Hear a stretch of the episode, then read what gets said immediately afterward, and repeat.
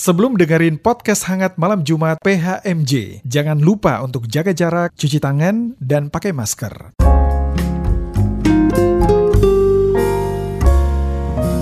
Podcast Hangat Malam Jumat.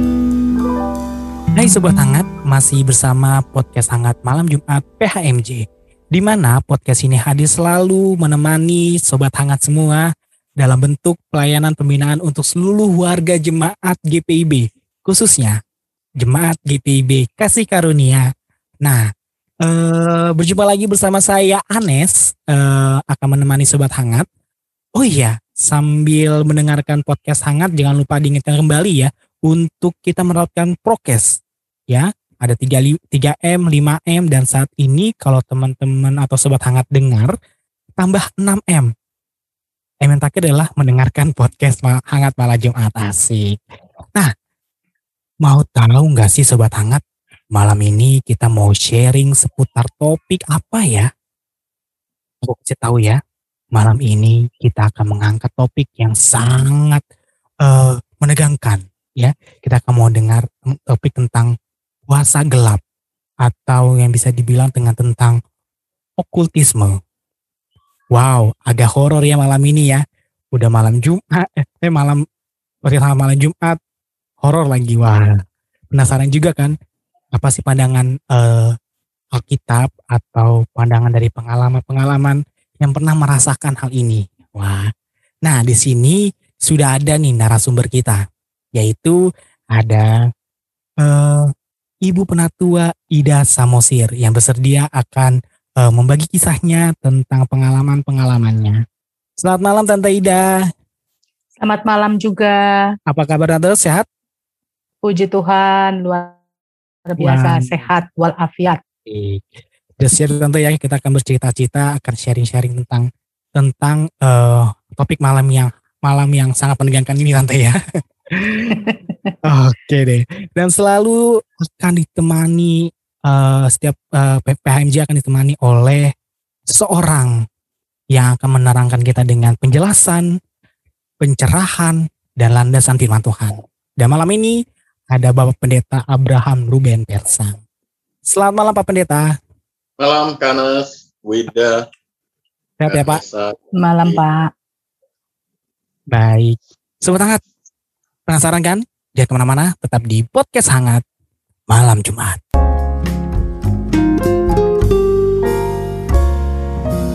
Podcast Hangat Malam Jumat. Kembali lagi di PHMJ Podcast Hangat Malam Jumat. Nah Sobat Hangat, um, topik ini akan kita mulai dengan ini.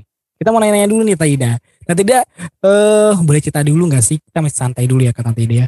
Boleh cerita gak sih Taida okay. sekarang Tante Ida aktivitasnya uh, apa sih khususnya nih kayaknya rumahnya Tante Ida sekarang udah ramai banget ya seru ya Tante ya iya betul aktivitasnya apa nih Tante hari ini masih uh, selain uh, di rumah apa ada kegiatan lain gitu Tante oh iya oke okay, Anes uh, untuk aktivitas saya saat ini ya belajar berproses dengan atau bersama dengan Tuhan dengan berlaku taat dan setia yang mau saya sampaikan yaitu supaya kita juga bersama memperhatikan hal ini.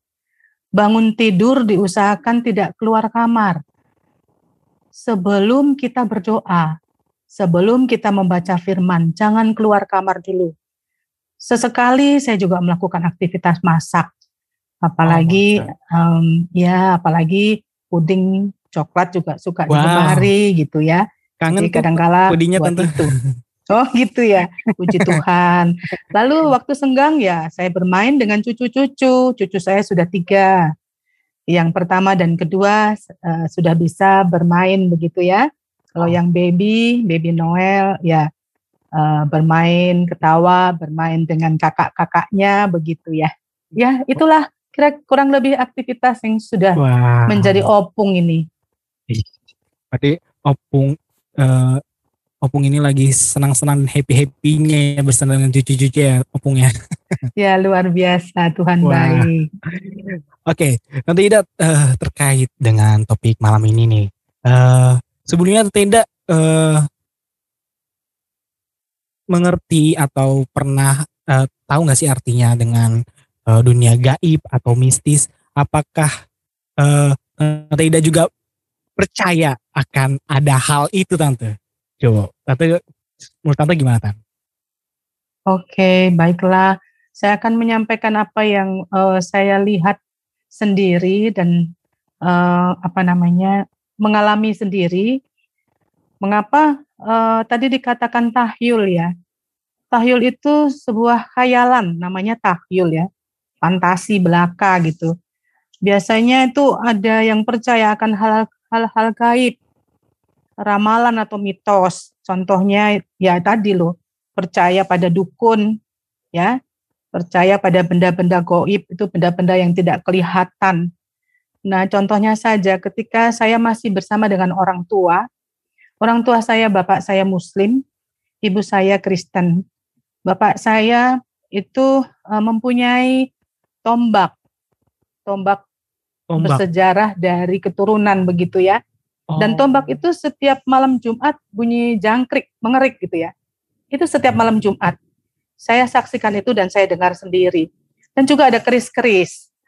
Kalau orang Jawa biasanya begitu ya, apalagi ya ini ada yang dari kakek, ada yang dari orang tua, jadi keris-kerisnya banyak yang pada hari-hari tertentu, pada bulan-bulan tertentu itu diruat gitu ya, diruat, dibersihkan, dimandikan.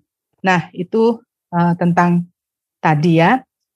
Nah kalau mengenai dunia gaib atau alam gaib, itu sebenarnya alam yang tidak bisa kita lihat dengan mata mata roha, mata jasmani kita gitu Nah, itu ada makhluk yang tak kasat mata. Itu dunia gaib. Jadi memberi kesan dia keramat gitu ya. Lalu angker dan juga menakutkan. Nah, itu uh, mengenai dunia gaib. Lalu ada yang tadi dikatakan mistis ya. Mistis itu uh, apa namanya? Ya tadi yang memberikan kesan angker, kemudian di daerah-daerah tertentu uh, itu memberi kesan mistis gitu ya.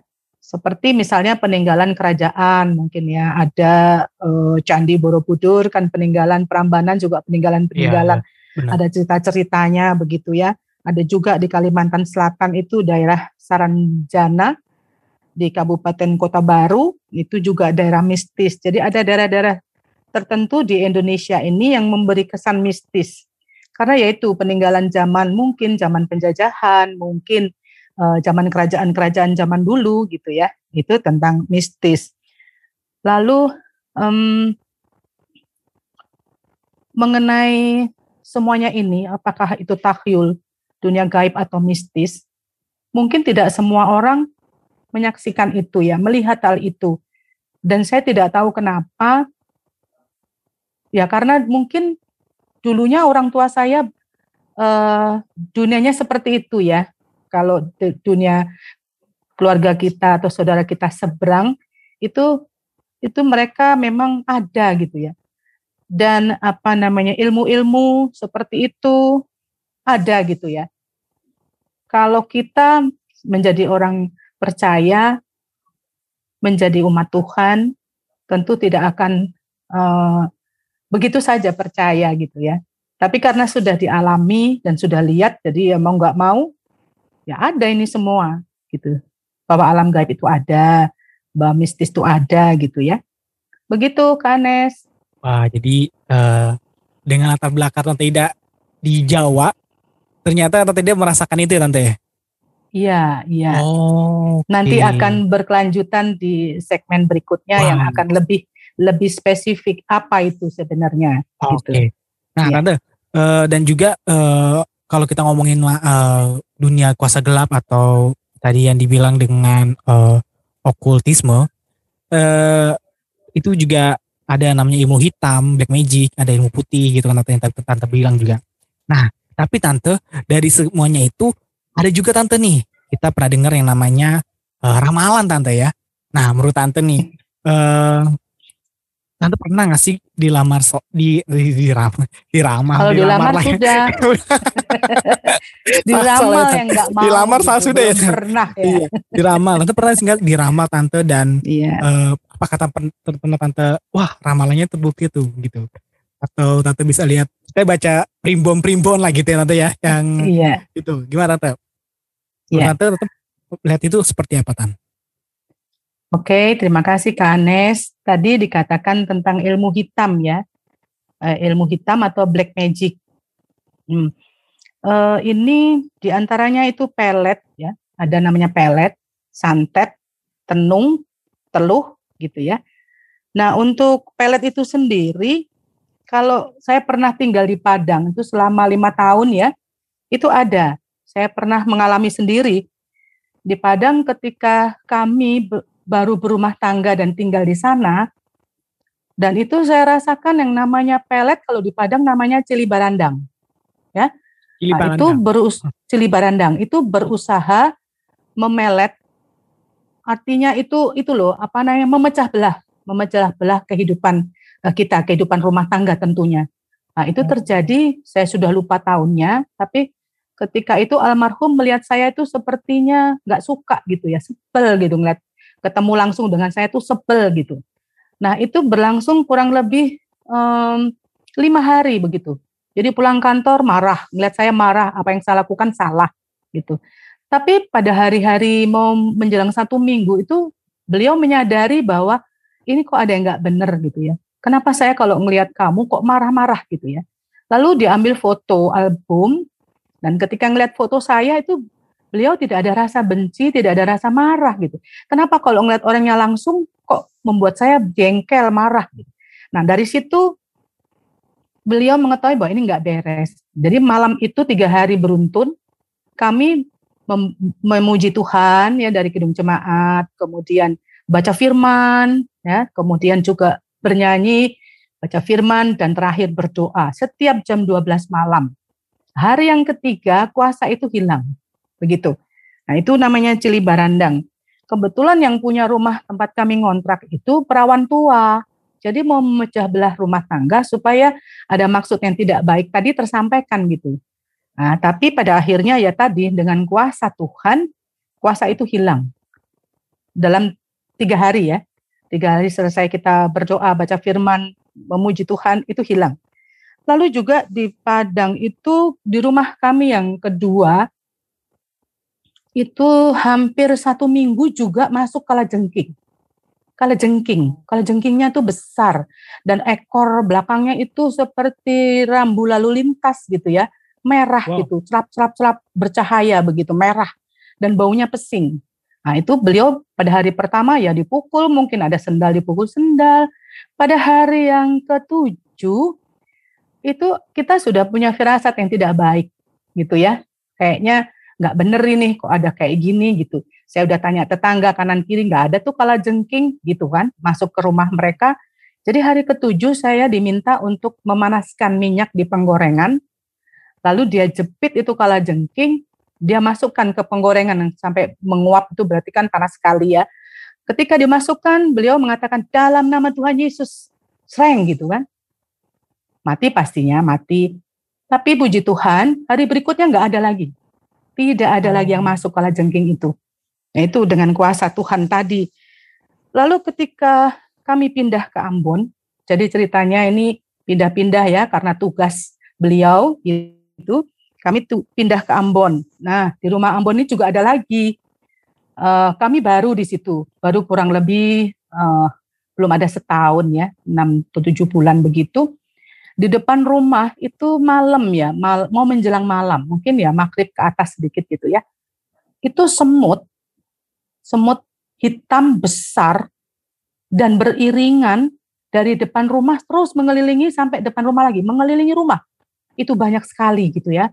Nah melihat hal, itu beliau ambil baygon. Kalau zaman dulu ob- obatnya itu baygon ya, disemprot baygon nggak ada yang mati, bangkainya pun tidak ada gitu kan. Lalu kita kembali ya kayak gitu ada dorongan hati untuk kita itu peka ya. Ini benar semut apa bukan gitu ya. Ya udah kita berdoa yuk. Jadi baygon tadi mau disemprotkan kita doakan supaya kuasa Tuhan yang nyata gitu kan sudah disemprot dari depan sampai rumah keliling itu disemprot karena banyak itu semutnya. Kalau disemprot tentunya mati ada bangkainya ya. saudara-saudara atau Kak Anes, ternyata tidak ada. Nggak ada bangkainya. Hilang gitu aja. Jadi kami yakin bahwa itu uh, sesuatu hal yang tidak baik ya. Sesuatu hal yang tidak baik. Lalu ada lagi di Ambon juga, itu siang hari. Siang hari itu uh, saya menjaga anak-anak tidur ya dan saya setengah tidur sebenarnya, nggak tidur. Saya lihat itu dari ruang tamu, lari sekencang-kencangnya itu serigala. Kenapa saya bilang serigala? Karena ada taringnya, tapi bentuknya seperti anjing. Jadi saya pikir, loh kok ada serigala di sini gitu ya. Jadi sebelum dia menerkam saya, saya berdoa dalam nama Tuhan Yesus. Itu masih lari kencang dan saya tidak ada kekuatan.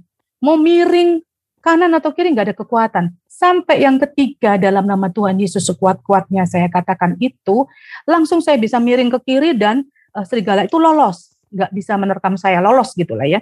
Dan itu tadi. Lalu ada lagi ketika malam, beliau itu nonton TV, kami di kamar, saya di kamar menunggu anak-anak begitu ya. Saya lihat sambil nonton TV itu beliau apa kayak narik tangan di lehernya gitu. Saya pikir kayak dicekik kayak dicekik gitu, tapi dia nggak bisa ngomong, hanya tangannya yang kasih isyarat. Ini loh, tolong aku doakan gitu. Jadi saya di kamar saya berdoa, berdoa sampai keluar peluh ya, apa keringat gitu. So berdoa kuat sampai keluar peluh. Terus saya lihat lagi beliau sudah lemas, sudah lemas, berarti sudah keluar barangkali. Lalu saya tanya, kenapa tadi? Ada apa? Saya bilang. Lalu beliau katakan, ada makhluk tinggi besar menyekik saya gitu. Kalau orang saya jadi kepikiran, loh orang Jawa bilang kalau tinggi besar itu gendruwo gitu ya. Itu kalau orang Jawa, tapi tidak tahu itu pokoknya dia bilang ada makhluk besar hitam itu menyekik dia gitu. Nah itu pengalaman uh, kami selama di Ambon ya. Kemudian juga ada ilmu hitam itu ada juga santet ya. Santet itu membuat orang sakit. Ya, jadi penyakitnya itu tidak bisa dideteksi secara medis. Jadi diobatin pun enggak sembuh malah jadi parah gitu ya.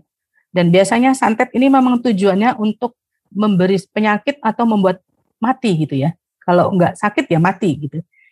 Nah, kemudian juga ada teluh. Nah, kalau santet ini saya melihat itu ada keluarga kami yang karena disantet jadi ya waktu itu saya kan masih kecil ya, masih di seberang, belum menjadi anak Tuhan gitu. Saya masih muslim ketika itu. Jadi saya menyaksikan saudara saya itu diobati dengan di dibelek gitu ya. Di apa ya, di dibelek lah pakai pisau begitu. Pisau yang tajam sepertinya ya. Jadi eh, keluar itu. Keluar apa yang dilihat dilihatin ke saya itu yaitu ada silet silet pun udah karatan gitu ya Terus ada juga jarum. Jarum itu juga sudah karatan gitu ya. Dan semuanya ini saya saksikan kakek saya. Kakek saya itu uh, orang keturunan Pakistan. Kalau nenek saya keturunan um, Ratu Sumenep. Kalau kakek saya keturunan Pakistan. Dan dia uh, itu tadi yang dikatakan menyembuhkan orang-orang yang memang secara kasat mata bukan sakit karena fisik fisiknya, tapi karena sesuatu yang masuk dalam tubuhnya. Yang mereka tidak sadari itu, tidak sembuh-sembuh, ke dokter juga malah parah, jadi datang ke kakek saya gitu ya. Nah, saya melihat juga ada seorang ibu yang minta tolong pada kakek saya, dia kehilangan kalung. Dia berharga sekali kalungnya itu karena eh, apa namanya kerinduannya untuk kembali kalungnya itu minta tolong pada kakek saya dan kakek saya itu eh, memasukkan telur dalam mangkok gitu ya, telur ayam kampung, telur mentah. Lalu bagaimana caranya setelah diangkat yang ada kalungnya ibu itu masih ada pasir-pasirnya ternyata jatuh di pasar. Pasar itu jalannya berpasir jadi ketutupan, tidak bisa lihat secara langsung kita gitu. Nah, kalau itu tadi saya saksikan kakek saya menyembuhkan dan juga menolong orang, itulah namanya uh, white magic. Menurut kami loh ya, itulah ilmu putih atau white magic yang berusaha membuat orang lain uh, sembuh dan juga menolong orang lain yang memerlukan pertolongan. kalau untuk bayarannya kakek saya nggak mau apa-apa, nggak mau dikasih duit, nggak mau apa-apa, nggak mau. Tapi kadangkala orang-orang datang misalnya punya ayam dibawa ayam, punya hasil kebun kelapa misalnya buah kelapa dibawa begitu ya. Itu cerita tentang kakek saya. Uh, lalu uh, tentang white magic tadi saya sudah katakan ya. Kalau untuk black magic tadi itu uh, memang apa ya jahat gitu ya, melukai, membuat orang luka, sakit, membuat orang bahkan bisa mati, meninggal gitu ya. Uh, kalau untuk white magic tadi sudah saya ceritakan. Nah tentang ramalan, um, kalau dikatakan pernah diramal, saya nggak pernah gitu ya, nggak pernah untuk mau diramal. Adapun keluarga yang seorang peramal, tapi uh, puji Tuhan saya tidak pernah mau diramal ketika itu. Jadi uh, apa namanya kuasa-kuasa yang tidak berasal dari Tuhan ketika saya sudah menerima Yesus sebagai juru selamat itu kurang lebih saya umur uh, eh sebelum itu ya sebelum itu saya umur 4 tahun 4 tahun setengah begitu itu setiap sore kalau saya tinggal di rumah kakek saya setiap sore mau maghrib itu selalu di atas di langit itu ada apa ya namanya anak panah. Tahu anak panah ya? Anak panah ujungnya runcing, belakangnya itu ada cahaya gitu. Ada bola, bola api yang bercahaya gitu. Nah, itu banyak kadang-kadang seliweran bahasa Jawa itu apa? Ada yang ke sana, ada yang ke utara, ada yang ke selatan, ada yang ke timur, ada yang barat gitu. Kadang-kadang ngeri juga. Tapi uh, keluarga kami mengatakan harus ditunjuk, ditunjuk. Jadi kalau di, kita lihat ada uh, panah di atas, kita tunjuk apa itu gitu ya. Dan itu hilang, hilang. Tapi kalau nggak ada yang tahu bahwa ada itu uh, panah itu di atas, itu akan kesasarannya. Biasanya di atas rumah itu dia meledak begitu. Bisa yang punya rumah itu kalau nggak sakit ya itu tadi meninggal gitu. Itu saya saksikan sering sekali saya di Probolinggo Jawa Timur waktu kecil itu. Tapi setelah saya mengenal dan saya masuk menjadi anak Tuhan, menjadi umat Tuhan, menjadi orang Kristen, uh, dan kami terus pindah dari Probolinggo, kami pindah ke Jakarta, itu tidak pernah lagi saya lihat gitu. Dan itu memang di Jawa banyak sekali. Mudah-mudahan sekarang enggak ya. Itu dulu waktu saya masih kecil. It, begitu Kak Anes. Terima wow. kasih. Tidak, ternyata uh, pengalaman luar biasa ya. Nah, sobat hangat, makin seru ya untuk obrolan kita dengan Tidak Tadi itu bicara tentang kuasa gelap, uh, white magic, ad, uh, black magic, ada ramalan. Nah, di segmen berikutnya, kuasa gelap apa yang kita akan bahas ya. Nah, jadi jangan ke mana-mana, tetap di podcast hangat malam Jumat.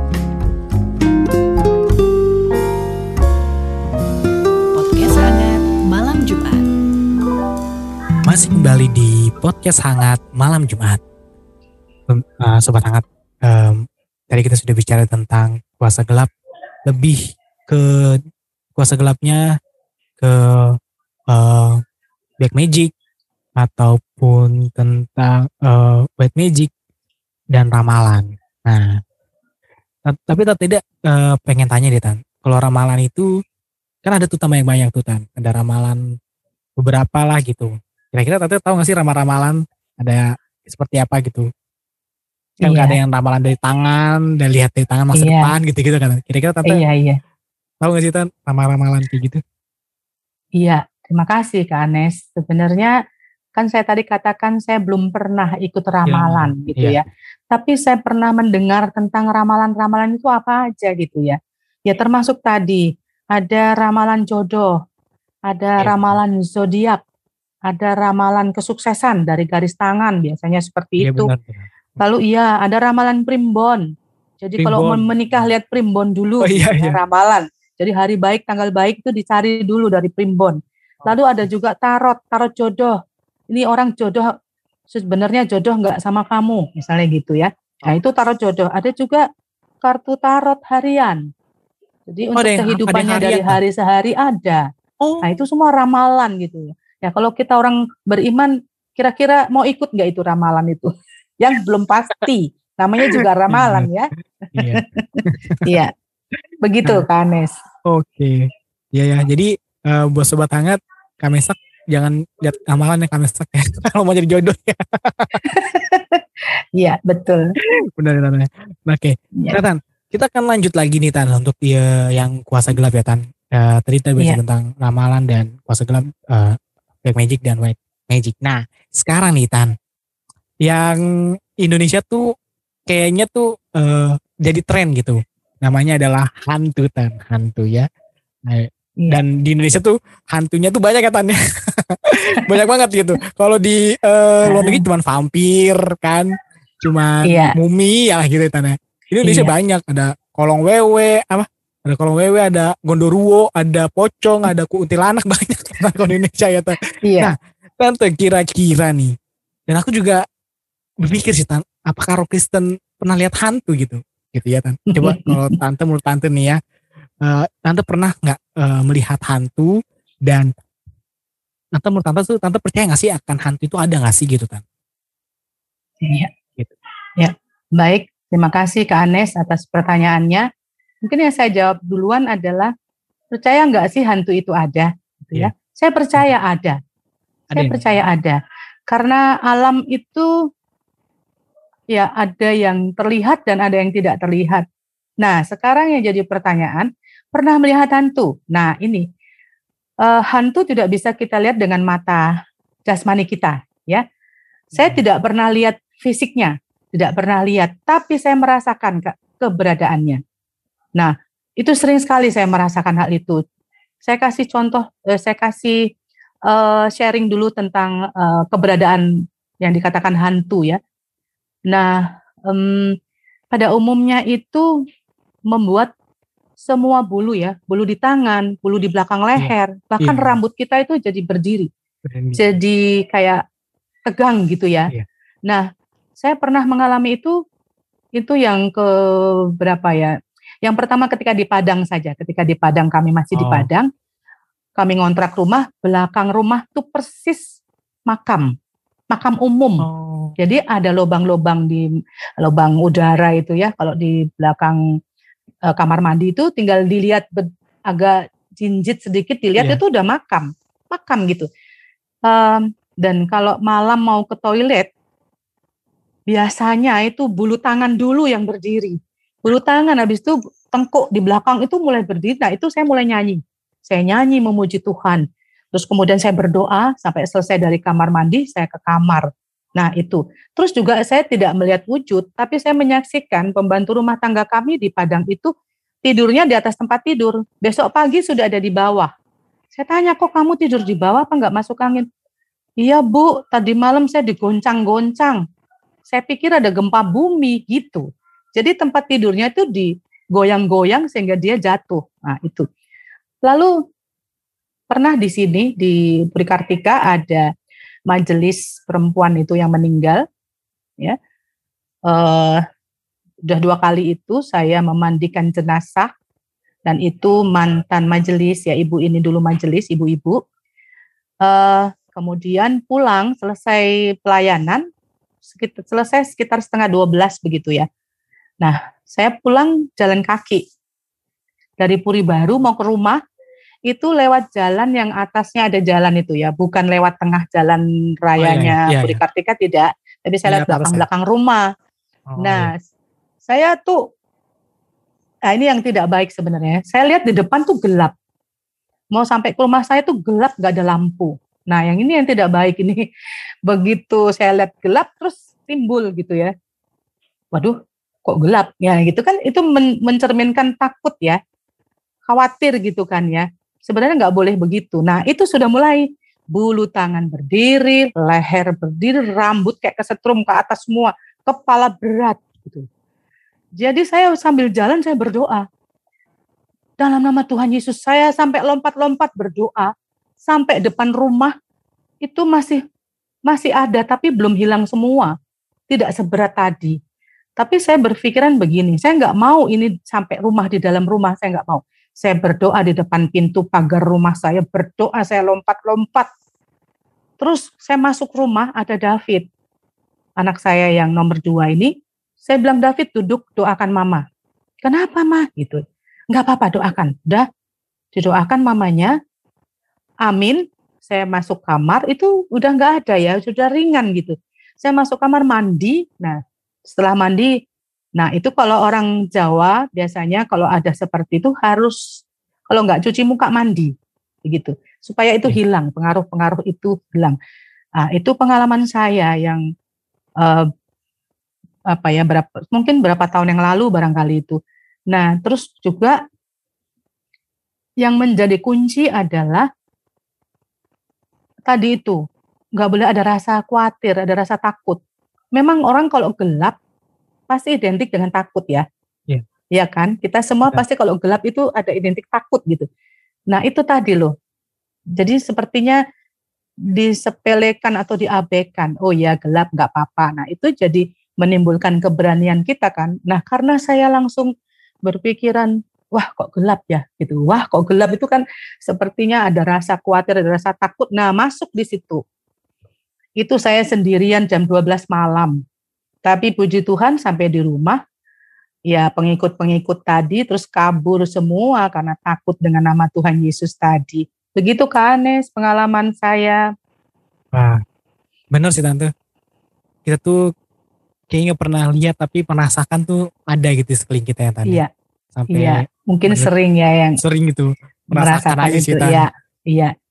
Jangan sampai deh lihat bisa lihat hantu, saya takut Bener. juga. bener. Bagi Indonesia kan hantunya banyak. iya betul. Iya. Nah, eh, berarti tante juga belum pernah yang berkomunikasi dengan hantu belum pernah ya tante? Em, begini juga Kanes, sebelah rumah saya dulu kosong lama sekali yang sebelah kiri. Oh iya iya. Kosong iya. lama sekali. Bener. tapi pengaruhnya ada gitu, tapi tidak sampai mengganggu. Jadi kalau malam itu bunyi orang mandi, bunyi orang cuci piring sampai berisik begitu ya, nanti jam 3 pagi ada yang nyapu halaman samping pakai sapu lidi itu, Oh. tapi begitu saya keluar nggak ada, nggak ada yang nyapu. Jadi memang itu tadi kontaminasi dari rumah yang kosong Iya. itu tadi tidak baik juga sebenarnya, tapi karena kita sudah berdoa, ya kita dijauhkan dari yang tidak baik lah begitu. Iya. Ya. Oke. Itulah tentang hantunya Tan. Nah, saat ini kalau Tante juga pernah dengar ya Tan tentang Iya. kuasa gelap ya Tan. Itu ada namanya eh aku juga belum pernah lihat sih Tan kalau masalah tentang ini ya Tan. Jadi eh khususnya orang menurut aku orang beriman atau orang Kristen gitu Tan. Melihat yang namanya orang Kristen tuh kerasukan setan Tan. Nah, menurut tante nih Hmm. Tan, apakah tante punya pengalaman mungkin eh, saudara tante atau teman tante yang eh, yang Kristen itu eh, kerasukan setan gitu Tan. Dan menurut tante eh, ada juga Tan karena ada yang bilang wah nih orang nih sak- eh, sakit mulu nih karena di ini nih dia harus disasukin roh gitu kan tante beli kayak gitu kan Tan. Eh, Iya. mening kok meninggalnya kayak gini nih kayak meninggalnya ada apa-apa gitu kan Tante. Nah menurut Tante nih kuasa roh itu yang ada itu menurut Tante tuh ada nggak sih Tante atau bagaimana gitu Tante, Tante menanggapinya tentang itu Tante? Iya, baik Kak Anes. Semakin semakin serem juga ya. Semakin malam semakin serem nih pertanyaan Kak Anes. Iya. Iya. Tadi kok mengenai kerasukan roh ya, kerasukan roh atau kerasukan setan. Ini pernah saya saksikan ada kami punya tukang kebun itu ketika di Kediri di pabrik gula gending Kediri, orang tua saya punya apa namanya tukang kebun gitu yang tinggal di rumah gitu ya Eh, laki-laki. Nah sudah berapa kali tuh ya sudah tiga kali dia kerasukan roh jahat dia keluar kamar dia makan rumput dia seperti kuda katanya kemasukan roh kuda lalu suatu saat dia juga kerasukan roh dia makan dia rusak-rusak kasur kalau zaman dulu dari kapuk ya Iya, sehingga iya. kapuknya tuh amburadul dia makan gitu kan. Nah, itu orang tua saya katakan ini anak tidak rajin sembahyang kalau muslim waktu itu kami masih muslim ya, tidak sembahyang. Terus dia suka bengong, makanya kalau maghrib dia kerasukan. Eh, menurut saya rumah kami itu juga rumah zaman Belanda, jadi ya kemungkinan itu ya tadi tuh karena orangnya tidak eh, sembayang sehingga ketika dia bengong bisa saja kemasukan gitu ya. Nah, kemudian juga eh itu yang saya saksikan tentang kemasukan roh ya. Kalau punya pengalaman kerasukan tante tidak pernah. Oh. Jangan sampai karena Benar. saya punya Tuhan yang luar biasa, kuasanya luar biasa. Jadi mengapa demikian? Jadi ketika ada sesuatu yang mencurigakan akan terjadi dalam tubuh kita, nah itu tadi kita belajar peka. Bagaimana itu? Nah, itu itu tadi jangan bengong tapi isi jiwa kita, rohani kita dengan firman Tuhan, dengan kuasa Tuhan, ya kita percaya bahwa tidak akan masuk atau tidak kerasukan roh-roh jahat ya. Begitu. Nah, untuk itu uh, kita punya firasat. Ya. Nah, ya, firasat itu kalau dalam uh, yang saya pahami itu kepekaan. Kita harus peka melihat sesuatu itu. Uh, sampai saat ini terus itu saya percayai dan terus saya jaga agar hati kita peka. Ya, peka itu di hati bukan di pikiran ya. Kalau menurut saya yang saya alami. Per, karena apa? Pernah saya itu uh, dengan beliau almarhum sering sekali untuk mengunjungi orang tua gitu ya. Ayo kita pergi ke Opung di sini gitu ya. Tapi hati kecil saya mengatakan nggak usah urungkan, nggak jadi gitu ya, nggak usah, nggak ketemu nanti pak gitu kan. Tapi beliau nggak percaya, ayo kita pergi, gitu ya. Sudah ikut pergi, tapi di tempatnya memang tidak ketemu gitu. Jadi setelah itu beliau jadi dengar uh, kata hati saya. Kalau kata hati saya, oke okay, pasti kita ketemu nanti. Ya kita pergi pasti ketemu orangnya. Dan itu yang namanya saya pikir itu kepekaan ya. Kepekaan hati yang terus harus kita jaga ya tadi dengan hubungan baik dengan Tuhan. Sehingga kepekaan itu akan terus bisa uh, kita jaga dan kita seperti dirawat begitu ya supaya itu terus kita, ada dalam hati kita. Karena Roh Kudus kan bersemayam di hati. Nah, eh, itu tadi kira-kira uh, tentang firasat atau kepekaan ketika ada hal-hal yang tidak baik atau yang jahat ini akan masuk dalam tubuh kita. Nah, kalau untuk apa ya, membuat sesuatu seseorang itu sakit atau sampai dengan mengalami kematian, saya belum pernah lihat. Belum pernah lihat uh, maksudnya sampai mati gitu ya, belum pernah lihat. Tapi kalau sakit iya, seperti tadi saya katakan saudara saya yang sakit uh, yang sakit bukan karena sakit uh, duniawi, tapi karena sakit karena kegelapan ya, kuasa-kuasa gelap sampai dibuka dan ternyata itu bahkan kalau kakek saya nggak dibelek. Dia usap aja gitu langsung keluar barang-barang itu. Itu saya lihat sendiri kakek saya itu. Uh, kemudian mengenai kuasa gelap itu juga akan membuat kematian yaitu kalau tidak diketahui secara pasti dengan medis tidak diketahui dan diberi obat malah semakin parah yaitu orang biasanya larinya ke situ ke orang-orang pintar lah, ke dukun lah gitu. Kalau kita orang percaya kan tidak seperti itu. Ya, ketika itu saya masih kecil, masih hidup dalam uh, apa namanya, masih hidup dengan saudara saudara-saudara kita yang tidak seiman dengan kita. Jadi ya semuanya itu saya lihat gitu ya, saya saksikan. Tapi saya bersyukur sampai dengan saat ini uh, kuasa yang paling luar biasa yaitu kuasa Tuhan Yesus Kristus, Tuhan kita yang hidup Begitu Kak Anes.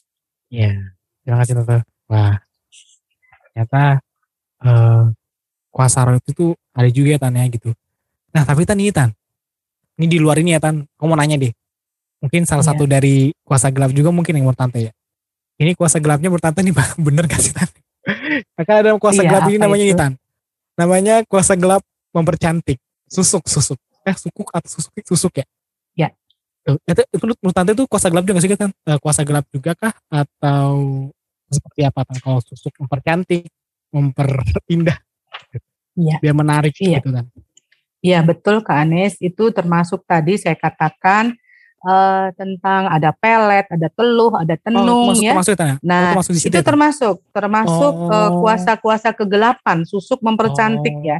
Kenapa nggak ke kenapa nggak ke dokter up, apa namanya iya. dokter kulit ya iya, gitu benar. kenapa nggak ke situ kenapa mesti yeah. dimasukkan benda asing yeah. ke dalam tubuh kita nah bisa memasukkan benda asing ke tubuh kita, itulah namanya ilmu hitam. Oh, ya, ilmu hitam. Saya saksikan sendiri Pak D, apa kalau Pak D itu ya, kakaknya dari bapak saya, itu dia pejabat di kereta api ya zaman dulu ya tahun aduh tahun berapa itu 70-an barangkali. Itu beliau supaya disegani, supaya dihormati, beliau masukkan batangan emas di bahu bahu tangan atas ini satu kiri kanan satu punggung itu ada dua ada dua atau ada empat itu.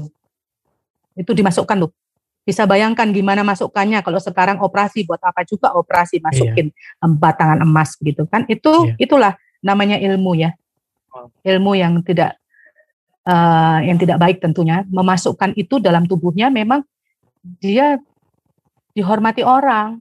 Tapi ketika meninggal beliaunya susah dukunnya udah mati Oh. udah meninggal.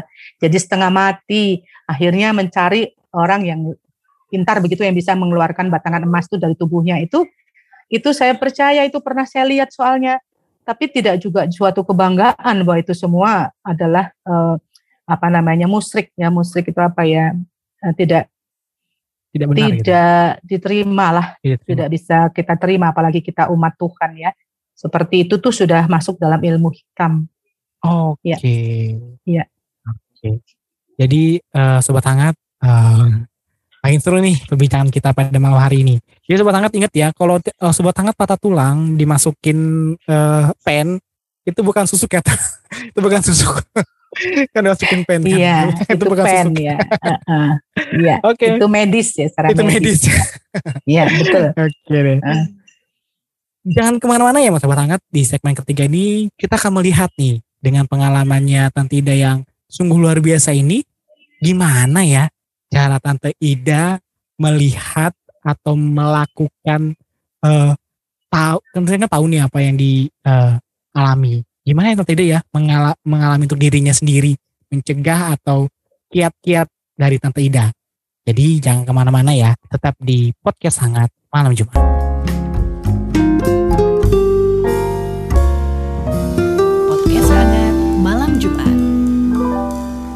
Masih bersama kami di PHMJ Podcast Hangat Malam Jumat.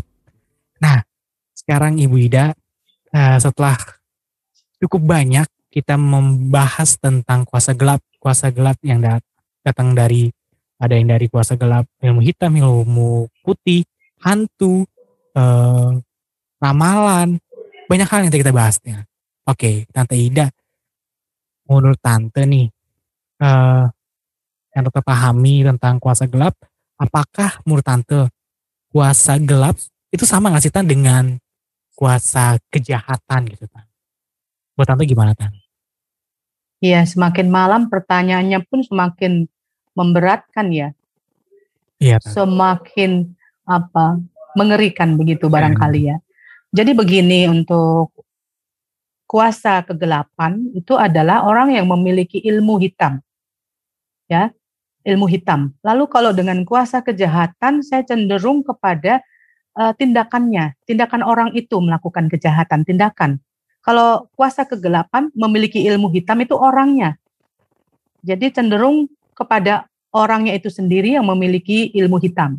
Jadi menurut tante kuasa kegelapan dan kuasa kejahatan itu tidak sama, tapi sama-sama jahat gitu ya. Yang satu tentang pribadi atau orangnya, yang satu lagi tentang tindakannya. Tindakannya melakukan kejahatan itu. Begitu Kak Anes. Oh jadi eh, istilahnya berarti kuasa gelap itu orangnya dan kuasa kejahatan itu tindakan dari orang itu tersebut ya Tan ya? Iya, begitu. Oh, oke. Menurut saya ya, barangkali Oke. nanti eh, mau diluruskan juga silahkan. Baik. Nah Tante, tapi Tante pernah nggak sih Tan atau berkonsultasi dengan eh, orang-orang yang melakukan kuasa gelap atau kuasa kejahatan pernah nggak sih Tan? Em, Atau pernah Tante waktu pernah kecil kecil ya? saya tuh belum ngerti hanya menyaksikan melihat tapi kalau untuk ya itu makanya tadi saya bercerita tentang apa yang saya alami kan kalau konsultasi tentang kuasa-kuasa itu saya belum pernah gitu ya Karena belum pernah aja karena kan ya? Menge- menyaksikan dan Menyaksikan mengalami aja ya? Oh, iya karena mau konsultasi dengan siapa ketika itu pun saya masih kecil, saya belum mengerti kan. Kemudian setelah besar saya sudah menjadi pengikut Kristus, jadi hal-hal itu tidak perlu lagi di apa diperpanjang gitu, diperdalam mengenai itu. Saya pikir itu tidak perlu. Mungkin itu.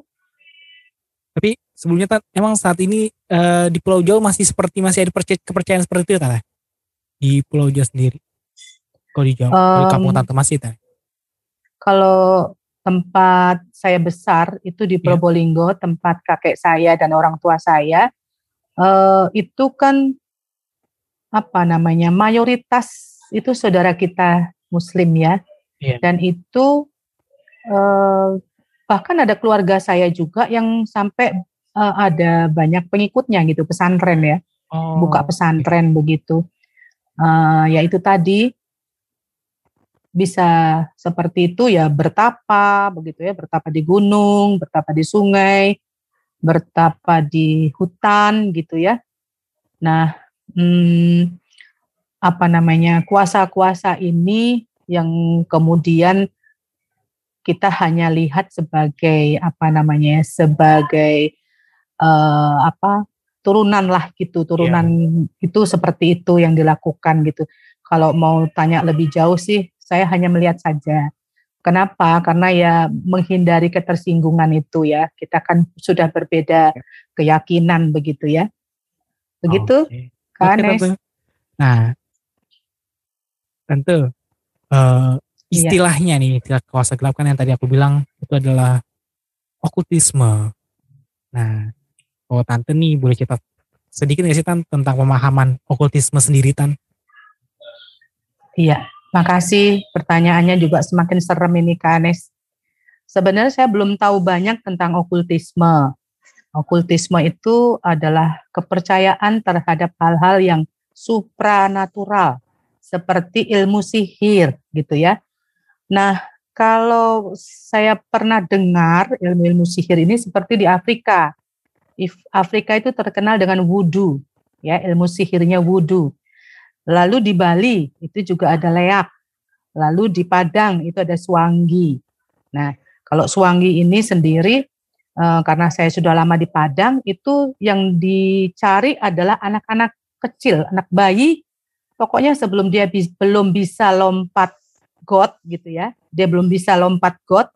Nah, itu pasti sasarannya suanggi gitu ya. Nah, suanggi ini kenapa sasarannya anak-anak? Kan dihirup apa rohnya gitu ya diambil eh, apa namanya kehidupannya. Buat para suanggi ini ternyata dia itu butuh seperti itu itu untuk ilmunya untuk dia tetap muda gitu.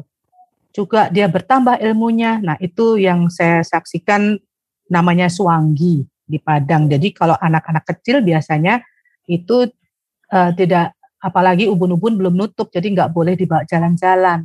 Kalau nyuci popok pun dijemurnya di dalam rumah tidak di depan rumah karena dengan popok itu suanggi itu saja bisa ambil gitu jiwa anak itu.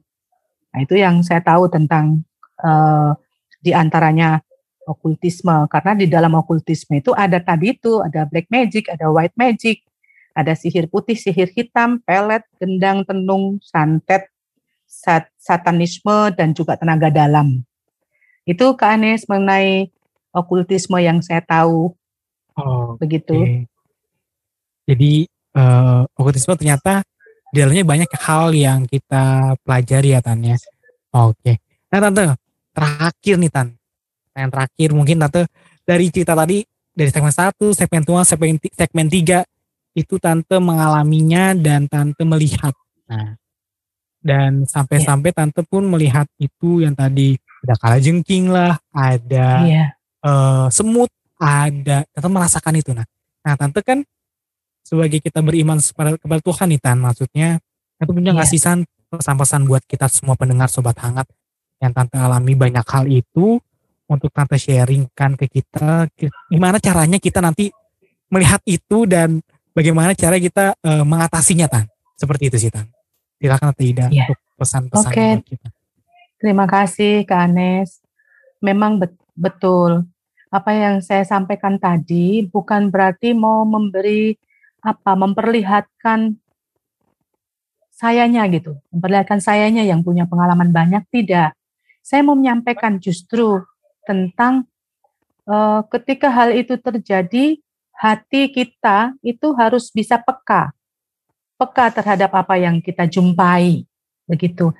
Lalu yang kedua, mengetahui bahwa setelah kita peka tentang apa yang terjadi, nah itu tadi kita bawa dalam nama satu nama yaitu Yesus Kristus dan juga dalam satu kekuatan yang luar biasa yaitu darah Kristus. Semuanya ada kuasa. Makanya saya waktu berdoa mau uh, apa ada roh-roh yang mau ikut saya, mau masuk dalam diri saya, saya berdoa dalam nama Tuhan Yesus dengan darah Yesus Kristus keluar kau dari tubuhku. Siapa pun kau kuasa-kuasa yang tidak baik keluar dari tubuhku dalam nama Tuhan Yesus. Dengan darah Yesus Kristus itu saja yang saya saya ucapkan. Itu saja. Kenapa? Karena waktu di Padang itu ada yang menyampaikan ke almarhum ya, tapi saya dengar, kenapa ya orang Kristen kok nggak bisa dikirimi ya? Kok kayak ada kabut putih yang menyelimuti rumah gitu. Nah, terus kami pandang-pandangan ya, oh iya berarti ada yang paling kuasa nih, ada yang paling kuat. Siapa yang paling kuat itu? Ya Tuhan kami, Tuhan Yesus. Tidak percaya dia, jadi ya tapi kita sudah sampaikan gitu. Ternyata orang itu tuh punya ilmu, rekan sekerja di kantor, tapi dia punya ilmu gitu. Ah, nah itu pengalaman tadi dengan kuasa Tuhan, dengan kuasa darah Yesus Kristus, kita berada dalam satu uh, apa namanya, dalam satu penyertaan Tuhan, dalam satu perlindungan Tuhan gitu. Yang jadi kunci jangan takut. Nah, ketika tadi saya ada perasaan gelap, wah gelap ya, itu kan berarti ada rasa takut. Nah itu muncul. Coba kalau tadi kita nggak ada rasa takut, kita jalan aja mungkin, nah, mungkin nggak ada apa-apa gitu ya. Nah itu tadi yang menjadi kunci, jangan takut. Karena nama Tuhan Yesus adalah nama di atas segala nama. Kuasanya luar biasa dan nyata. Itu terima kasih ke Anes. Terima kasih Tante. Jadi eh, ketika Tante menghadapi itu, Tante percaya akan Tuhan ya Tan dan dan jangan ya. takut. Sobat hangat, ya. jangan takut. Ya. Semuanya Tuhan sudah sempurnakan ya Tan ya. Iya, amin. Wah, terima kasih Tante untuk pengalaman yang luar biasa sekali. Mungkin jadi pelajaran buat kita semua sobat hangat. Nah, eh, sobat hangat setelah mendengar ini kisah dari Tante Ida, sekarang kita mau mendengarkan penjelasan dari Pak Pendeta nih. Dan kira-kira ya Pak Pendeta pernah nggak ya ngalamin kuasa gelap? Atau Pak Pendeta pernah ngeliat hantu pocong? Kita nggak tahu juga ya. Jadi mau penasaran kan Pak Pendeta akan membahas tentang apa tentang kuasa gelap ini. Jadi jangan ke mana-mana tetap di podcast hangat malam Jumat. Podcast hangat malam Jumat. Masih bersama Anes di podcast hangat malam Jumat. Sobat hangat, uh, kita akan mendengarkan nih uh, dari Pak Pendeta banyak hal tentang kuasa gelap. Boleh ya Pak? Boleh. Uh, siap. Nah Pak Pendeta, boleh dimulai dengan uh, penjelasan tentang istilah supaya kita nggak keliru nih Pak tentang kuasa gelap menurut Bapak dan kuasa kejahatan ya Pak. Kemudian uh, pengalaman Bapak dan yang dibagikan oleh Taida tadi uh, banyak tuh kan Pak kita belajar belajar tentang kuasa gelap kira-kira yang kuasa gelap yang ilmu hitam, ada ilmu putih, ada ramalan dan sebagainya, tapi dikemas dengan firman Tuhan itu seperti apa gitu Pak? Dan menurut Bapak, uh, apakah itu okultisme gitu ya Pak? Nah, boleh nih Pak, sekarang kita mau mendengar dari Bapak Pendeta. Silakan Bapak Pendeta. Baik, uh, Ibu Ida terima kasih untuk sharingnya. Sama-sama Pak itu akan jadi pengayaan ya buat kita semua, buat sobat hangat yang mendengar podcast episode ini. nah, uh, untuk uh, soal istilah, jadi memang dari beberapa literatur begitu uh, dibedakan. Kalau kuasa kejahatan itu lebih kata pakar ya, itu lebih kepada tindakan yang melanggar norma-norma eh, sosial, politik, budaya, begitu ya. Dan itu biasanya uh, ada dua pihak, baik orang itu sendiri maupun uh, lingkungan. Jadi uh, misalnya saya jadi pembunuh begitu, atau saya merancangkan pembunuhan, itu bisa dikategorikan masuk dalam perilaku perbuatan kuasa kejahatan. Jadi dalam diri saya itu ada kuasa, ada power yang yang mendorong saya untuk melakukan uh, pelanggaran gitu ya dan mengakibatkan kerugian atau penderitaan bagi orang lain. Uh, bisa juga misalnya saya uh, melihat perempuan begitu, terus saya tergoda, langsung kayak saya merancangkan untuk memperkosa. Nah itu kuasa kejahatan tuh, gitu ya. Jadi kuasa kejahatan ini tidak otomatis terkait dengan iblis atau setan-setan atau kuasa kegelapan, tetapi Alkitab katakan di dalam Yakobus bahwa yang namanya cobaan itu itu muncul dari diri kita sendiri, dari keinginan yang dibuahi katanya gitu. Jadi itu kuasa kejahatan. E, suami istri berantem begitu ya, sampai wah rame gitu. Nah itu ada kejahatan di situ. Jadi kejahatan itu bukan sesuatu yang sifatnya mistik atau gaib atau atau supranatural bukan. Nah kuasa kegelapan ini berbeda kuasa kegelapan ini yang disebut dengan demonisme. Jadi ini memang terkait langsung dengan kuasa-kuasa yang sifatnya supranatural. Uh, ya biasanya kalau yang namanya kuasa kegelapan tidak lepas dari kuasa iblis begitu. Karena memang tujuannya menyesatkan. Kuasa kegelapan itu tujuannya menyesatkan. Misalnya seperti yang tadi disebutkan. Uh, saya misalnya untuk mempengaruhi seseorang saya pakai e, bantuan seorang dukun lalu kemudian saya disuruh untuk e, apa namanya siramkan nih air ini katanya. Sudah di, dibaca-baca dimantrai dengan kuasa-kuasa tertentu. Itu kuasa kegelapan gitu ya. Atau misalnya saya ingin cepat kaya lalu si dukunnya bilang oh pakai ini pakai ini. Nah itu saya kerjakan. Di balik itu ada manifestasi kekuatan iblis, itu kuasa kegelapan. Jadi itu terkait dengan uh, mistik dan juga gaib gitu ya, supranatural. Nah, kalau okultisme sendiri, ia lebih kepada uh, ilmu pengetahuan. Jadi salah satu disiplin ilmu begitu ya, disiplin ilmu yang mempelajari atau pengajaran tentang sesuatu yang sifatnya rahasia, sesuatu yang sifatnya supranatural. Nah, biasanya orang dengan sederhana mengatakan kalau kuasa kegelapan okultisme eh, sebenarnya tidak tepat. Jadi yang dipelajari dalam okultisme itu adalah kuasa kegelapan, mengenali kuasa-kuasa kegelapan, kuasa gaib, kuasa mistik segala macam gitu.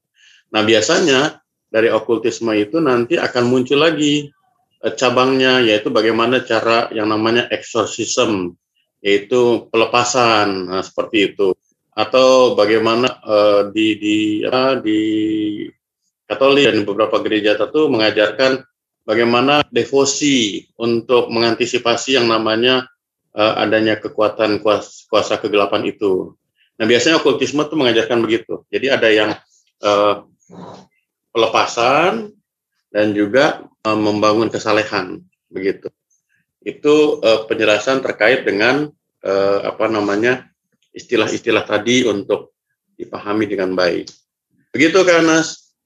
Oke. Uh, untuk pertanyaan berikutnya nih, Pak. Pertanyaan berikutnya uh, yang tadi nih, Pak, tentang uh, pengalaman dari Ibu, Ibu Ida tadi, Pak. Kira-kira uh, ada nggak sih Pak landasan firman Tuhannya uh, dan menurut bapak gitu tentang uh, tadi kan tentang kuasa gelap apakah dulu firman Tuhan seperti juga ada pak? Tentang kuasa gelap tentang uh, ramalan. Uh, terutama dalam Injil ya kita bisa melihat bagaimana Tuhan Yesus sendiri melakukan pengusiran setan orang kerasukan setan dan seterusnya. Malah ada tokoh perempuan murid Yesus namanya Maria Magdala atau Magdalena itu kan dia dikuasai oleh setan sekian lama begitu kan Nah, seperti itu. Jadi ketika kita bicara kuasa kegelapan, sebagaimana kesaksian Ibu Ida dengan beberapa peristiwa, itu sangat jelas ada gitu. Nah, tapi saya mengingatkan nih, ada yang menarik bahwa ada raja Israel namanya Saul itu, dia uring-uringan sampai mau menjadi gila ketika apa? E, ketika roh Tuhan tidak ada padanya. Nah itu kata-kata Alkitab begitu. Karena dia sudah tidak berkenan di hadapan Tuhan, Tuhan ambil rohnya gitu ya, penyertaan Tuhan. Nah dari situlah dia terganggu terus begitu. Sampai dia sendiri cari jalan untuk lewat seorang perempuan di Endor untuk cari ini apa menghubungkan dengan rohnya Samuel. Nah, jadi praktek-praktek itu ternyata sudah ada juga dalam Alkitab.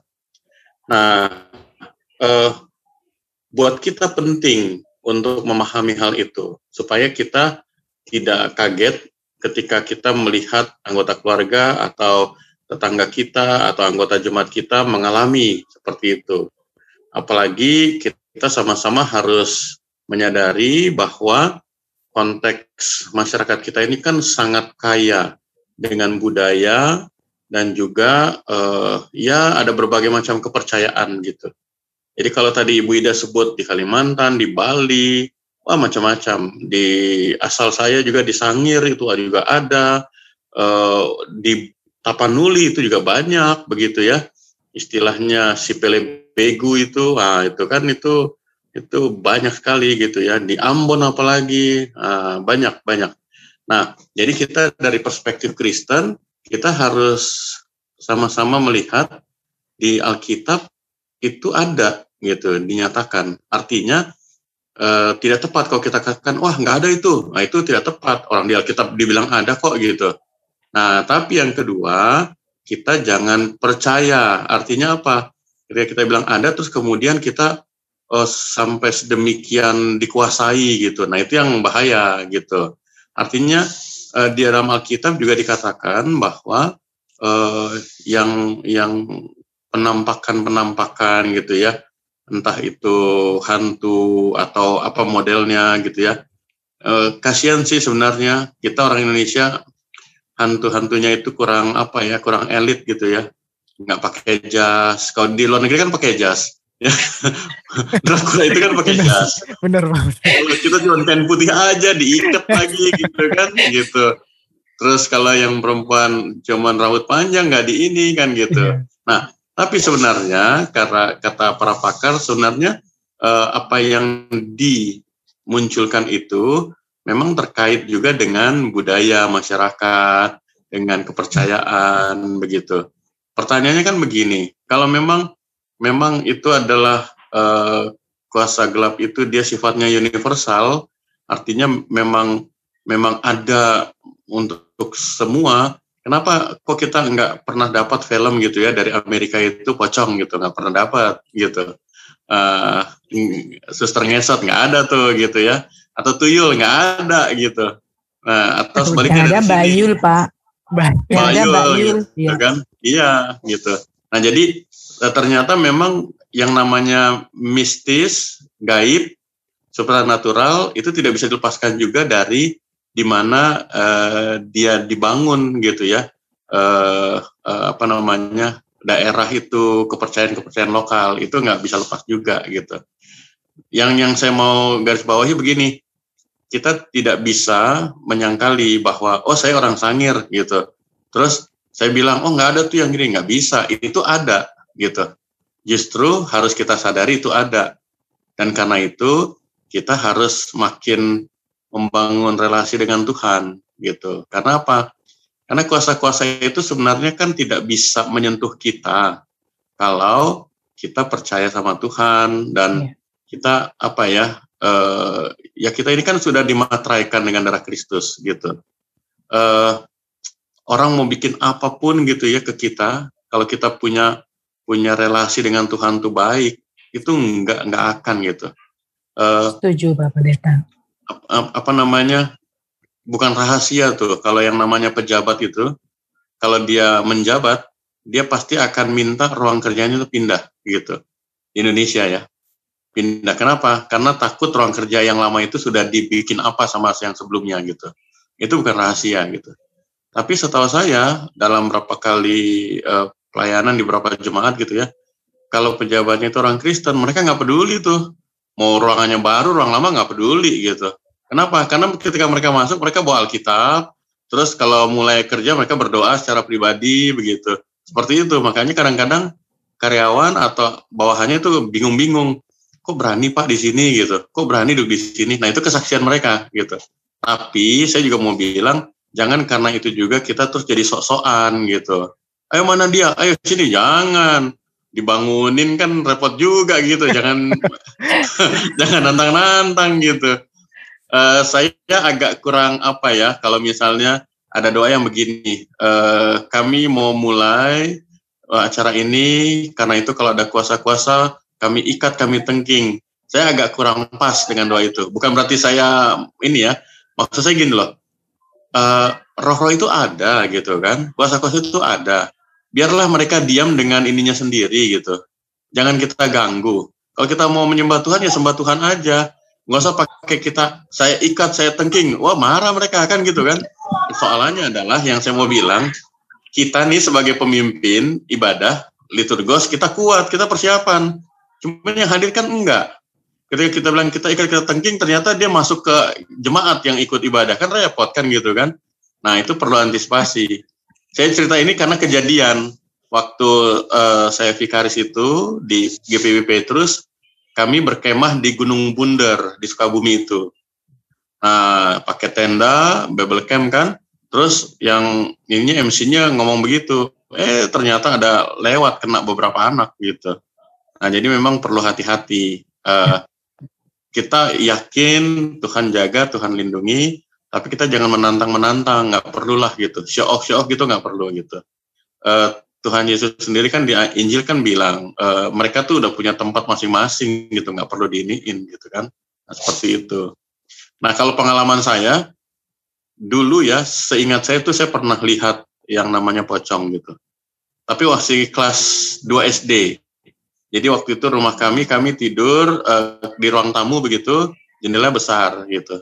Tapi apakah itu betulan atau kakak saya, abang saya yang gangguin dari luar saya nggak tahu juga gitu. Tapi saya ingat ada ada seperti itu.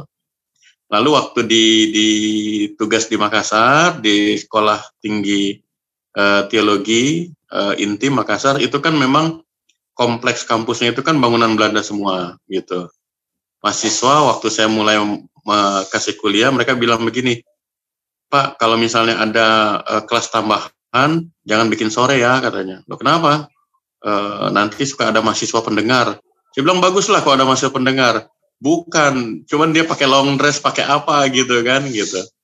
Dan memang sesekali tuh waktu kami tinggal di dalam kompleks itu kan rumah Belanda itu jendela besar-besar kadang-kadang saya suka bangun jam satu jam dua begitu ya ke belakang ke dapur minum atau gitu.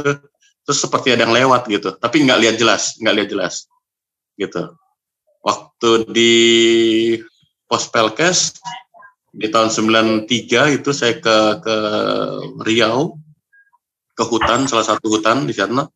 Penginjil di sana bilang begini e, Mas Ruben e, kita masuk ke dalam hutan nih. Di sini nih dia dia ngomong di pinggir hutan sebelum masuk hutan.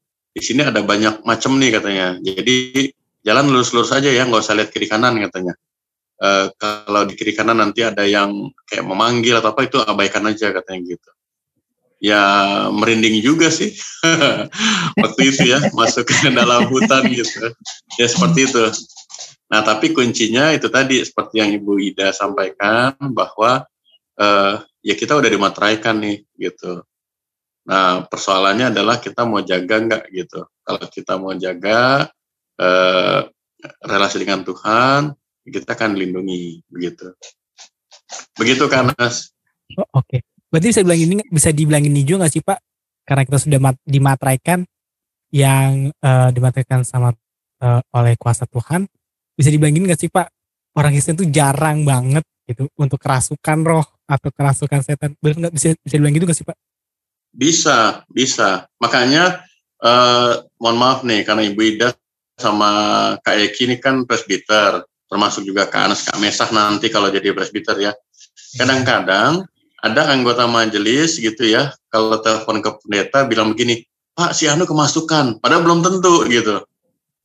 Padahal mungkin misalnya nih, di waktu saya di Bekasi, atau waktu saya di Tanjung Pinang, ternyata tuh anggota jemaat tuh memang dia sakit keras gitu ya, misalnya dia lagi lagi istilahnya tuh lagi kolik gitu ya, sakit uh, bagian lambungnya gitu, terus kayak meracau, kayak apa gitu ya. Yang nggak usah jauh-jauh deh. Uh, di jemaat kita baru-baru waktu saya layani perjamuan, uh, kan Ibu Titi Pasaribu kan juga lagi sakit begitu kan. Terus dia teriak-teriak teriak-teriak gitu. Ya memang dia lagi teriak sakit gitu. Dan kita tidak bisa mengatakan wah lagi kemasukan enggak gitu. Jadi memang kita jangan terlalu cepat untuk mengambil kesimpulan atau menilai orang, apalagi anggota jemaat kita ya wah dia kemasukan. Enggak, kita lihat dulu, kita tanya dulu uh, ke orang tuanya, ke keluarganya. Nah, dengan pengalaman itu karena saya melihat memang jarang sih yang orang Kristen itu kemasukan tuh jarang gitu. Jarang. Uh, lebih banyak sih karena sakit ya gitu. Karena sakit atau karena ketekanan psikologis gitu kan. Uh, nah, itu yang kadang-kadang kalau kita mata awam melihatnya kemasukan pada belum begitu atau tidak gitu. Apakah gitu. bisa dilihat dari mata ya Pak? Biasanya mata nah, yang orang kerasukan berbeda Pak. Nah ini pun saya dapat ilmunya dari ahli saraf Bu Ida. Jadi hmm, kadang-kadang kan kita ngukur juga dari mata nih. Mata itu kan kalau misalnya dia sudah putih gitu kan, terbalik nah itu dia ya? kerasuk. Ah, terbalik itu kan kerasukan.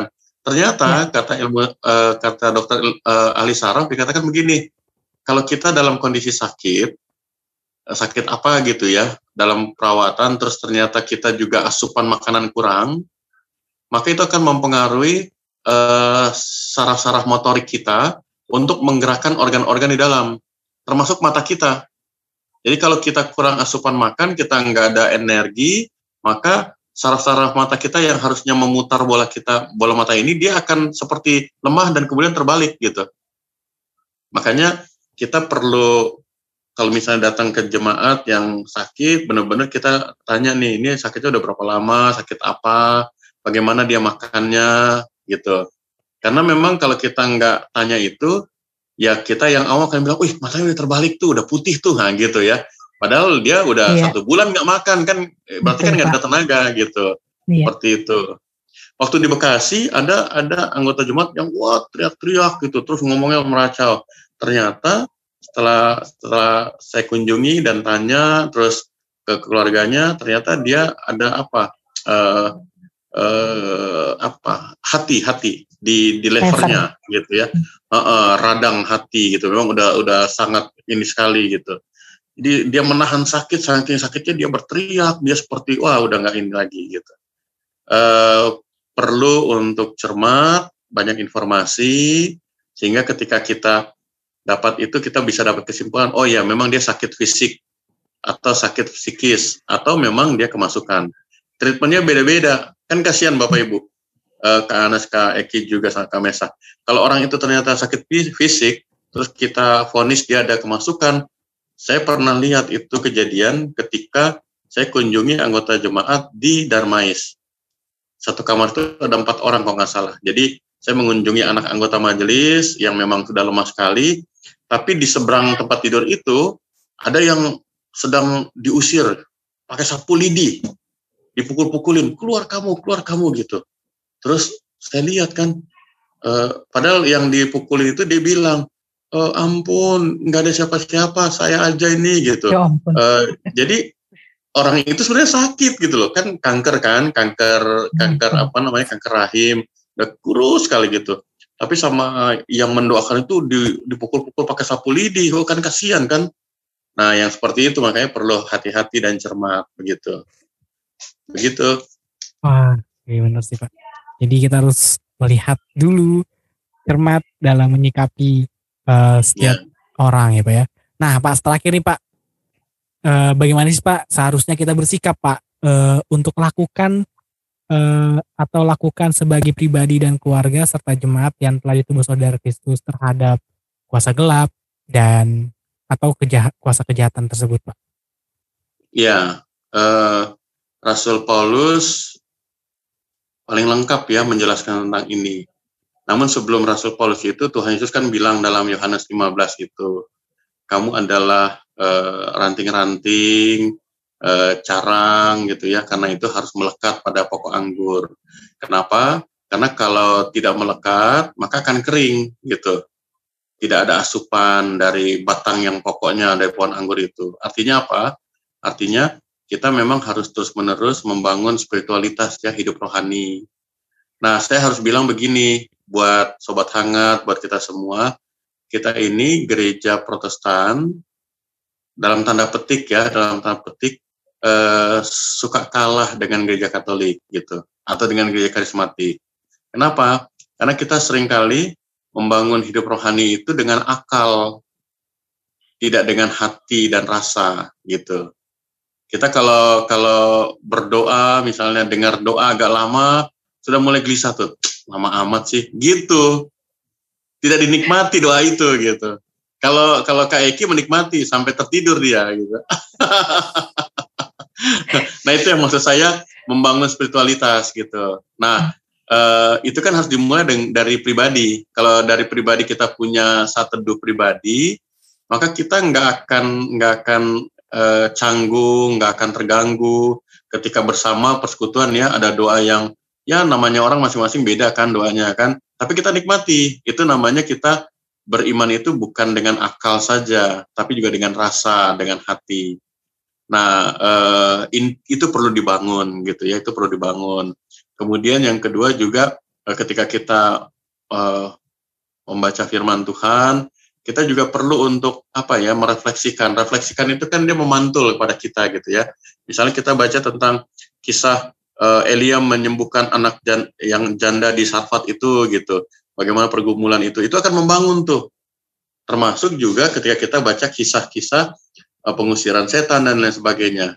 Dengan kita punya uh, membaca dengan benar, merasakan itu, maka terbangun yang namanya penghayatan. Sehingga ketika kita misalnya menghadapi situasi ya, entah anggota keluarga kita atau kita sendiri mengalami hal-hal yang terkait dengan kuasa kegelapan itu, kita akan akan uh, tidak goyah gitu. Kenapa? Karena kita punya ini uh, relasi yang baik dengan Tuhan.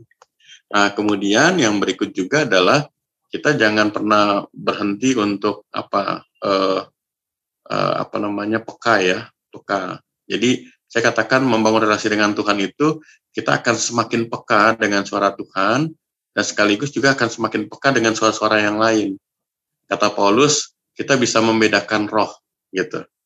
Uh, kita akan rasa kok semakin kita dekat sama Tuhan tuh kita mau pergi ke satu tempat misalnya kita akan rasa akan rasa bahwa oh ini tempat kayaknya bukan hanya nggak nyaman tapi ada kuasanya gitu. Saya kalau misalnya kunjungan ya ke rumah sakit atau ke ke rumah gitu anggota jemaat yang sakit itu saya selalu diberi diberi rasa gitu ya kalau misalnya masuk ke ruangannya tiba-tiba merinding saya tahu nih oh orang ini sakit ternyata bukan sakit fisik gitu yeah. atau ke rumahnya gitu yeah. atau sebaliknya orang-orang udah mengklaim bahwa oh orang ini uh, karena kemasukan tapi ketika saya masuk tidak ada apa-apa yeah. ya ternyata betul nggak ada apa-apa gitu nah itu bisa terjadi tidak tiba-tiba tapi kita bangun gitu nah yang saya bilang dengan Paulus cukup lengkap menjelaskan Paulus bilang begini apa yang kita bangun dengan hidup rohani itu maka harusnya sejalan dengan hidup sesehari, habit yang baru gitu. Makanya kan Paulus katakan dalam Galatia 5 ayat 22 dan 23 kan, tetapi buah roh ialah gitu. Bukan buah-buah roh ya, tapi buah roh. Artinya apa? Buah dari kehidupan rohani kita itu ada banyak macamnya.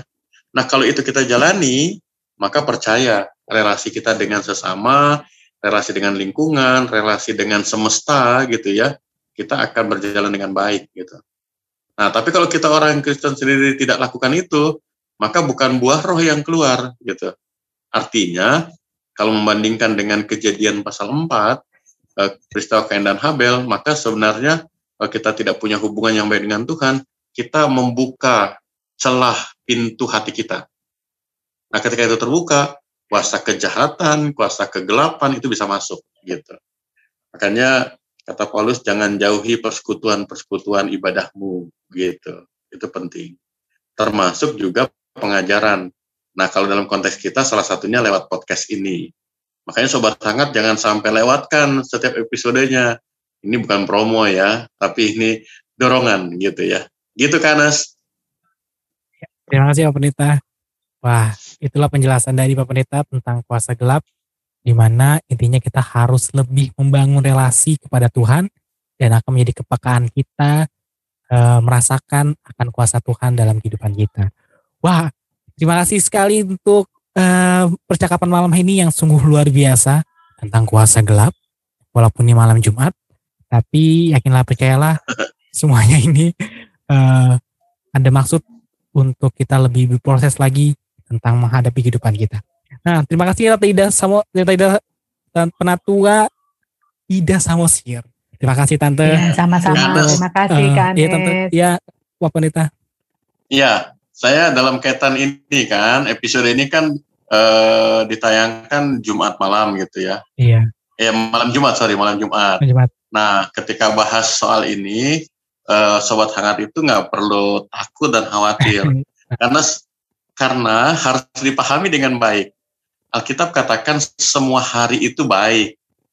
Cuma uh, karena budaya modern gitu ya, dibuatlah uh, Friday 13 gitu ya. Wah.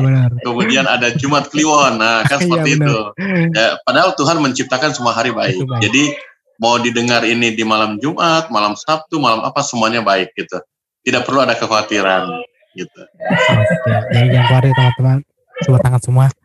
Oke, kita akan mengakhiri akan podcast kita malam hari. Terima kasih Ibu Penatua Ida Samosir dalam uh, cerita-ceritanya. Semoga diberkati selalu dalam pelayanan dan Amin. kehidupan dan keluarga. Terima kasih Pak Pendeta juga terima kasih Pak dalam uh, sekali ini terus dan menerus menerang kita dengan firman Tuhan. Terima kasih. Terima dan kasih, kita ada Kamesak Sukabdi. Terima kasih. Dan terima kasih Kamesak. Iya. Dan juga ada Keki sebagai uh, sound dan di bawahnya nih kayaknya Kadilon atau Kalona nih. Kadilon. Kadilon ya. Terima kasih juga uh, untuk uh, hari ini. Nah, sebuah hangat uh, jangan lupa untuk saksikan episode-episode uh, yang lebih menarik lagi dari podcast Hangat Malam Jumat. Selamat malam.